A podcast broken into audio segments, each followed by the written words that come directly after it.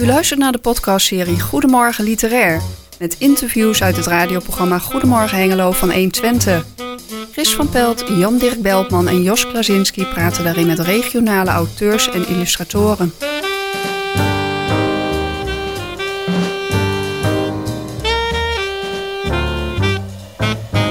In deze derde aflevering hoort u Jan, Dirk en Jos in gesprek met Anneloes Timmerijen over haar historische roman De Mannen van Maria. En dan gaan we naar onze volgende gast en dat is een uh, telefonisch uh, interview. En daarvoor hebben we aan de telefoon Anneloes Timmerijen, een schrijfster. Hele goedemorgen. Welkom in de uitzending. Ja. Dank.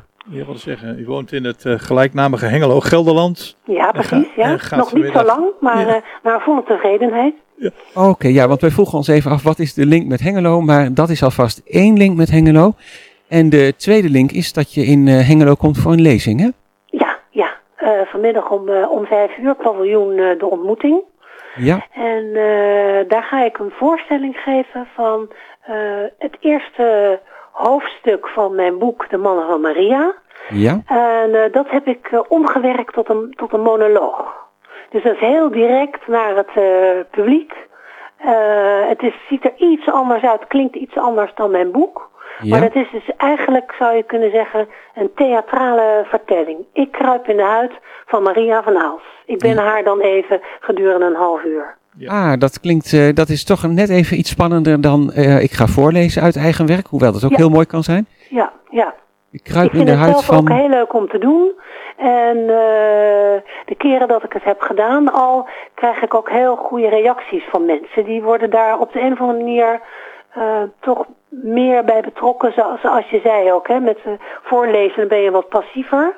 En uh, publiek van zo'n monoloog, dat uh, ik stel ook wel vragen, of ik richt me naar publiek, dat is wat actiever. Vind ik zelf ook heel leuk om te doen.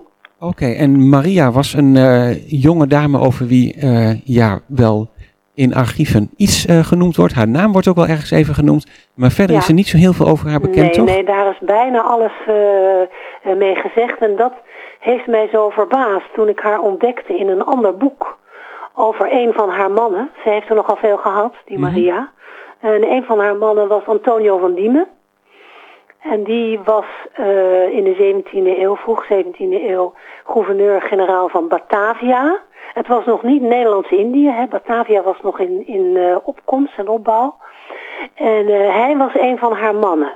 En in de biografie van Menno Witteveen die ik las over hem, kwam ik een aantal alinea's tegen over Maria van Aalst. En het volgende wat ik dacht was, waarom kennen wij deze vrouw niet? Daar wil ik meer, ik wil meer van haar weten. En dat, uiteindelijk heeft dat geleid tot, uh, tot dit boek. Aha, en het is, het is dus een uh, 17e eeuws uh, meisje. En wat ik er even over las was, um, dat ze in 1625 op haar 18e door haar ouders naar de Oost, dat is dan Batavia, werd, Mhm. werd gestuurd. Want daar was een gebrek aan vrouwen. Dat waren dan Nederlandse vrouwen die daar eigenlijk vooral welkom waren. Ja, ja, dat was een idee van Jan Pieterszoon Koen. Uh, die kent iedereen wel waarschijnlijk. Ja, zeker. Ja. Uh, er was daar dus uh, een handelspost in aanbouw. En uh, er waren allemaal uh, uh, Hollandse mannen, zoals dat toen heette. Vooral uh, mannen die in dienst waren van, van de VOC. En daar moest, een, daar moest een stad verrijzen. En als het even kon, met uh, keurige, nette Hollandse kinderen. En in uh, de theorie van toen had je daar dan ook niet alleen mannen voor nodig, maar sowieso. Maar uh, ook keurig nette Hollandse meisjes. Dus die werden verscheept naar Batavia. Het is echt verschrikkelijk. Het heeft ook niet zo gek lang geduurd, maar het is wel gebeurd. En daar was uh, Maria er één van. En haar naam is dan in het boek van uh, Menno Witteveen, maar ook in zijn onderzoek wel naar voren gekomen, geloof ik. Ja. En uh, zo is zij naar, uh, naar Batavia gekomen. En uh, die meisjes die werden uitgehuwelijkt. En die werden dan, er was een soort schooltje daar in Batavia. En dan werden ze min of meer tentoongesteld en uitgehuwelijkt aan de mannen daar in Batavia. Die moesten wel in dienst zijn van de VOC en ze moesten een behoorlijk inkomen hebben. En dan kregen ze ook een soort huwelijksschat. als ze trouwden met die vrouwen. En dan moesten ze trouwen in de kerk en kinderen maken. Daar komt het gewoon op neer. Oké, het klinkt wel bijzonder 17e eeuws ook. Enorm. Ja, keihard en niet ontziend. Ja. Ja, met Jos Klasinski hier. Goedemorgen. Goedemorgen. Anneloes. Um, ik heb een heleboel boeken van jou, uh, althans uh, een recensie daarvan hier voor me. En ik vraag me af, uh, het gaat hier in dit geval om Maria van Aalst. Waarom pak je juist deze vrouw ja, zeg maar als, als middelpunt van, van het laatste boek wat je hebt geschreven? Wat fascineert zo aan, aan deze periode om het te delen met, ja, met, jou, met, jou, met jouw lezers? -hmm. Ja, nou, um, omdat, zoals jullie net al zeiden, het, het, de 17e eeuw was eigenlijk niets ontziend voor iedereen, maar uh, vooral voor vrouwen ook. Vrouwen hadden geen status op het moment dat ze niet getrouwd waren en wel uh, volwassen. ze, ze mochten allerlei dingen niet doen en er, waren, er allerlei regels waar ze zich aan moesten houden. Uh, Maria trok zich daar in dat verre Batavia helemaal niets van aan. Die heeft gewoon uh, gedacht, of gewoon, die heeft gedacht, ik ben hier, ik moet doen wat ik, uh, waarvoor ik uh, uitgestuurd ben. Dat lukte niet helemaal. En in de tussentijd heeft zij zich daar een positie verworven. Pardon. En ze heeft niet alleen gezien wat de mogelijkheden in Batavia waren, maar ook wat de mogelijkheden voor haar eigen ontplooiing en ontwikkeling waren.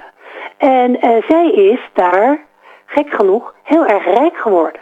Zij is uh, uh, uiteindelijk in diamanten gaan handelen, wat niemand mocht doen, laat staan dat vrouwen dat mochten doen. Ik heb er geen onderzoek naar gedaan, maar ik ben nooit eerder zo vroeg in de geschiedenis een Nederlandse vrouw tegengekomen die in de diamanthandel zat. Later, toen zij terugging naar het vaderland, zoals dat toen werd genoemd, hoorde zij tot een van de honderd rijkste inwoners van de republiek. En dat allemaal dwars tegen alle conventies in, zou je nu kunnen zeggen, zij was een uh, geëmancipeerde vrouw. Weet ik niet of je dat zo kunt zeggen, maar zij was in ieder geval een self-made woman voordat daar überhaupt honderden jaren voordat er überhaupt sprake van was. En dat heeft mij zo gefascineerd. Ja, dat, met, uh, dat moet juist in de 21ste eeuw moet dat een heel ja, aansprekend onderwerp zijn. Zeg maar ja. de ja. emancipatie, want we zitten er nog middenin.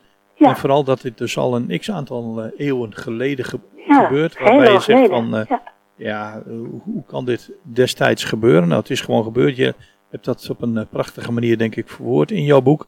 Maar het is ook een brug naar de 21ste eeuw met nog steeds overal op de wereld, uh, en dan misschien wat minder in de westerse wereld, -huh. de, de, ja, de rol van de vrouw die toch duidelijk, en zeker als het gaat in, in, in bepaalde landen van de wereld, heel duidelijk ja. omschreven is als ja. uh, onderdanig. Ja, exact, exact. En uh, het is ook wel zo dat er meer vrouwen in die tijd uh, gewoon de touwtjes in handen namen. Alleen werd daar nooit over gesproken of geschreven. Denk aan al die vrouwen van zeelieden die jaren weg waren naar de oost. Die namen gewoon uh, de, de zaak van hun man over, zorgden voor de kinderen en zorgden ook dat er inkomen was. En uh, nou, zo'n een hele bekende vrouw die op een andere manier in ons geheugen is blijven hangen, Elisabeth Bas. Uh, zij is heel jong weduwe geworden en had in het centrum van Amsterdam een winkel. En zij heeft ervoor gezorgd dat haar kinderen en haar kleinkinderen eigenlijk uh, in redelijke welstand konden opvoeden, uh, opgroeien. Ondanks dat zij een alleenstaande vrouw was. En het gekke is dat daar heel weinig aandacht altijd voor is geweest. Oké, okay, maar het is dus, heeft dus wel plaatsgevonden en blijkbaar is deze Maria van Aalst uh, ook zo'n dame geweest die zelf ja. de touwtjes in handen nam? Zij was wel een uitzondering hoor. Ze heeft het ook wel, ze dacht ik doe het en ze deed het ook wel heel erg goed. En uiteindelijk kwam ze terug in, uh, in Nederland, in de Republiek uh, zoals het toen was. Um, Nederland in de 17e eeuw, als je dan heel rijk was, dan had je een aantal uh, beroemde portretschilders door wie je kon laten schilderen. -hmm. En ik las in het boek dat ze ook um, door Rembrandt wordt geportretteerd. Mhm. En ja, dat, dat heeft nog wel een bijzonder staartje gekregen, hè, die gedachte. Ja, ik vroeg me af waarom er nooit een, een portret van haar is gevonden. Omdat dat inderdaad, zoals je zei, in haar situatie en haar stand en ja, het geld wat ze had, heel voor de hand liggend zou zijn geweest, omdat iedereen dat, dat deed in haar positie. En uh, dan ging je natuurlijk ook naar de, uh, ja, de meest toonaangevende kunstenaar van het moment. En dat was in haar tijd Rembrandt van Rijn. Ik heb toen een goede vriend van mij gevraagd, die zelf kunstenaar is en ook uh, kunsthistoricus. waarom, waarom is er geen beeld van haar bewaard gebleven. Waarop hij zei, het is er wel, we weten alleen niet waar het hangt. En dat was voor hem uh, het uitgangspunt om te gaan zoeken. Want uh, er is bijna nooit in analen bekend uh, gebleven wie er op de toenmalige portretten stonden afgebeeld. Want dat ging gewoon naar de opdrachtgevers. En die wisten zelf wel wie ze waren natuurlijk. Ja, precies. Dus er staat ook nooit van portret Rembrandt voor die en die en die. Um, hij is het beeld tegengekomen dat mijn, de omslag van mijn boek siert. Ja. En heeft dat om een hele lange zoektocht even heel kort te verwoorden, heeft hij dat onder andere voorgelegd aan een specialist op het gebied van gezichtsherkenning. Dat is een Engels bedrijf dat ook biometrie toepast voor bijvoorbeeld luchthavens als Heathrow. Dat is een gerenommeerd bedrijf. En hij heeft de directeur aangeschreven en zei van, goh, uh, zouden we dat, zouden we daar op die manier naar kunnen kijken? Uh, wat hij heeft gedaan is uh, de beeldenis van haar man, Antonio van Diemen, naast het officiële portret van Antonio van Diemen gelegd. Want dat is wel bewaard gebleven. Er bestaat een officieel portret waarvan bekend is dat is Antonio van ja, Diemen. Ja, er werd uh, van alle hoogwaardigheidsbekleders in Batavia werd een portret geschilderd. En dat is nog bewaard gebleven in het Rijksmuseum. En uh, wij dachten, ja, als dit Antonio van Diem is, dan moet dat Maria zijn. Want er kon veel in de 17e eeuw. Maar als je nou officieel geportretteerd werd, dan was dat toch wel met, je, met je echtgenote. Uh, hij heeft, die man in Londen, heeft die twee portretten na, naast elkaar gelegd. Heeft ze door zijn scan gehaald. En zei, op basis van onze methodiek, kom ik uit op een gelijkenis van 99,6 procent. Oké, okay, en dan is dus um, de onbekende man op het schilderij de man en de, de vrouw en de man in het zwart. Ja. Um, is dan nou heel sterk gelijkend op uh, Antonio van Diemen. En dan kun je er misschien wel van uitgaan dat de dame die daarbij opstaat ja. um, Maria van Aalst is. Ja, het is ook heel duidelijk een, een huwelijksportret. Als je de, de regels voor huwelijksportretten uh, uh, leest, dan zie je allerlei elementen zoals handschoenen uit en dat, dat, dat mooie voorschotje wat ze heeft op haar jurk. Dat is ook Ja. een, ja, dat hoort, dat hoort allemaal bij een, een bruidsattribuut. Ja. Oké, en geschilderd rond 1632, dus toen waren zij ook uh, nog maar net een paar jaar Ja. getrouwd. Ja, En dat schilderij, ja, ik heb gelezen dat het gestolen is uit een museum in Boston. ja. Is het alweer terecht? Of, Nee, nee, dat is 30 jaar geleden gestolen. Uh, in wat uh, toch wel bekend staat als de grootste kunstroof aller tijden. En het is nog steeds niet terecht. Nee. Hey, dat is jammer. En de um, kunstenaar, onderzoeker waar u het net over had, dat was Rudolf Smeets, die daar Rudolf onderzoek naar Smeets, heeft ja. gedaan. Ja. Anneloes, Arjen Ribbens heeft nog een heel mooi uh, interview met hem uh, gemaakt in, de, in NRC Handelsblad. Voor mensen die daarin geïnteresseerd zijn. In januari van dit jaar. En uh, hij kan dat natuurlijk veel beter vertellen dan ik. Want hij is de onderzoeker en de kunstenaar. Maar uh, uh, we hebben ook wel met andere kunstkenners daarover gesproken. Maar die zijn wat behoudender. En die zeggen van ja, zolang het niet in een, in een boedel uh, staat beschreven uh, of andere erfenis, testamenten, wagen zij zich niet aan die uitspraak. Ze zeggen wel, het ja. zou kunnen, Ja. maar ze zeggen niet dat dat moet haar zijn. Als Nee, dat nee, nee. Antonio is, dan moet dat Maria zijn. Voorzichtigheid is geboden. Maar zo is de, Ja. de boekvoorkant eigenlijk uh, tot stand gekomen. Nou, dat is Ja. wel een heel interessant verhaal. Ja, leuk hè? Uh, Anneloes, we hebben je, of ik, uh, tijdens ons telefoongesprek deze week heb ik je ook gevraagd om iets uh, kort voor te lezen. Want Ja. eh, vanmiddag eh, vanaf vijf uur ga je in het Prins Bernhard plantsoen in paviljoen De Ontmoeting ga je een eh, soort lezing houden eh, daarover. Mhm. Daar kunnen mensen nog bezoeken. Tenminste, ik neem aan dat er misschien nog wel plek is om dat te gaan bezoeken. Dat eh, begint allemaal om vijf uur. Om vijf uur, ja. Maar zou je dat... Wordt heel leuk, want Tubantia TV komt ook. Kijk eens aan. Ja. Nou, dan wordt het zeker leuk. Zou je nog een klein stukje kunnen voorlezen? En ja, dan ik doe gaan we dan daarmee niet wat ik, wat ik vanmiddag ga doen, maar ik doe gewoon het begin van het boek. Prima. Ik hoor het graag. We gingen om te baren, verscheept op bestelling van de heren Gins. Zeven meisjes die vaak nog niet eens waren gekust. Zelf ik, volgens moeder te wijs voor mijn 18 jaren, had nooit de smaak van andere lippen geproefd. Daarom was ik die eerste nacht meteen gaan oefenen op mijn rechterhand. Duim en wijsvinger gevouwen in een stugge mond. Een koude mond.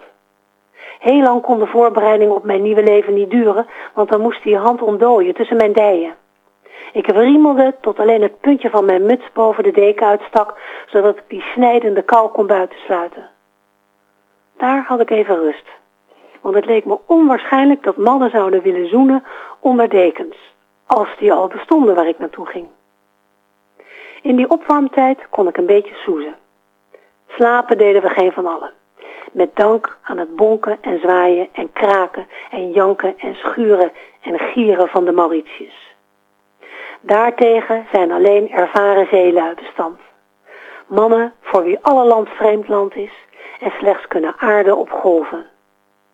Mannen die er niet van wakker liggen als het schip zo ver overhelt dat het lijkt te kapseizen. Terwijl wij zeker wisten dat onze tijd was gekomen. Alle zeven gilden we om onze moeders. Ook de meisjes die nooit een moeder hadden gehad. En dat terwijl we amper onderweg waren. Het schip had de reden van Wielingen verlaten en zich even na Vlissingen bij de vloot gevoegd die van Texel was vertrokken. De open zee was meteen wild en onberekenbaar en ik dacht dat ik nooit meer zoiets vreselijks zou meemaken. Zelfs nu, bijna 50 jaar later, blijft die reis me soms bezoeken. Vooral als ik droom dat mijn leven nog niet voorbij is. Terwijl ik zo langzamerhand wel weet dat het nog erger kan. Daar staat tegenover dat ik me die, eerst, die allereerste nacht gelukkig prees met mijn plek in de hoek van het meisjeshok dat speciaal voor de overtocht was getimmerd. Het was twee meter in het vierkant met een doek voor de opening, zodat we waren afgeschermd van de andere passagiers. Ja, behoorlijk bevoorrecht, maar we hadden dan ook een bijzondere positie aan boord. Een spiegelretourschip van de compagnie nam niet zomaar vrouwen mee. Zeker geen jonge, ongetrouwde meisjes. Ik had die plek instinctief gekozen en niet omdat ik een haantje de voorste was, zoals het meisje uit Middelburg mij voor de voeten wierp. Het bleek een goede keuze. Want bij iedere zware deining duwde ik mijn bovenlijf in de hoek en zette ik me schrap met mijn handen op de koude, stroeve planken. Dat gaf een beetje houvast. Soms gleden mijn voeten van de dun matras en schopte ik, zonder opzet, het meisje tegenover mij dat net als ik halfzittend de nacht probeerde door te komen. Een ander lichtpuntje was dat ik immuun bleek voor de zeeziekte die toesloeg zodra we buitengaards waren. En gedurende 10, 14 dagen het merendeel van de passagiers degradeerde tot groen-gele, kronkelende wezens. Wij... ja, eh, het valt niet mee op zo'n schip. nee, want we gaan, eh, we gaan afronden. Oké, Bedankt eh, voor je bijdrage. Heel veel plezier vanmiddag in het... eh, en ook voor Ja. de mensen die gaan kijken in het Prins Bernhard plantsoen vanaf kijk er naar 5 uit. uur. En succes en nogmaals bedankt voor het interview. dankjewel. Ja. Dankjewel. Deze podcast werd gemaakt door Chris van Pelt, Jan-Dirk Beltman, Jos Klasinski en Mieke Vaameijer. Bedankt voor het luisteren en graag tot de volgende podcast.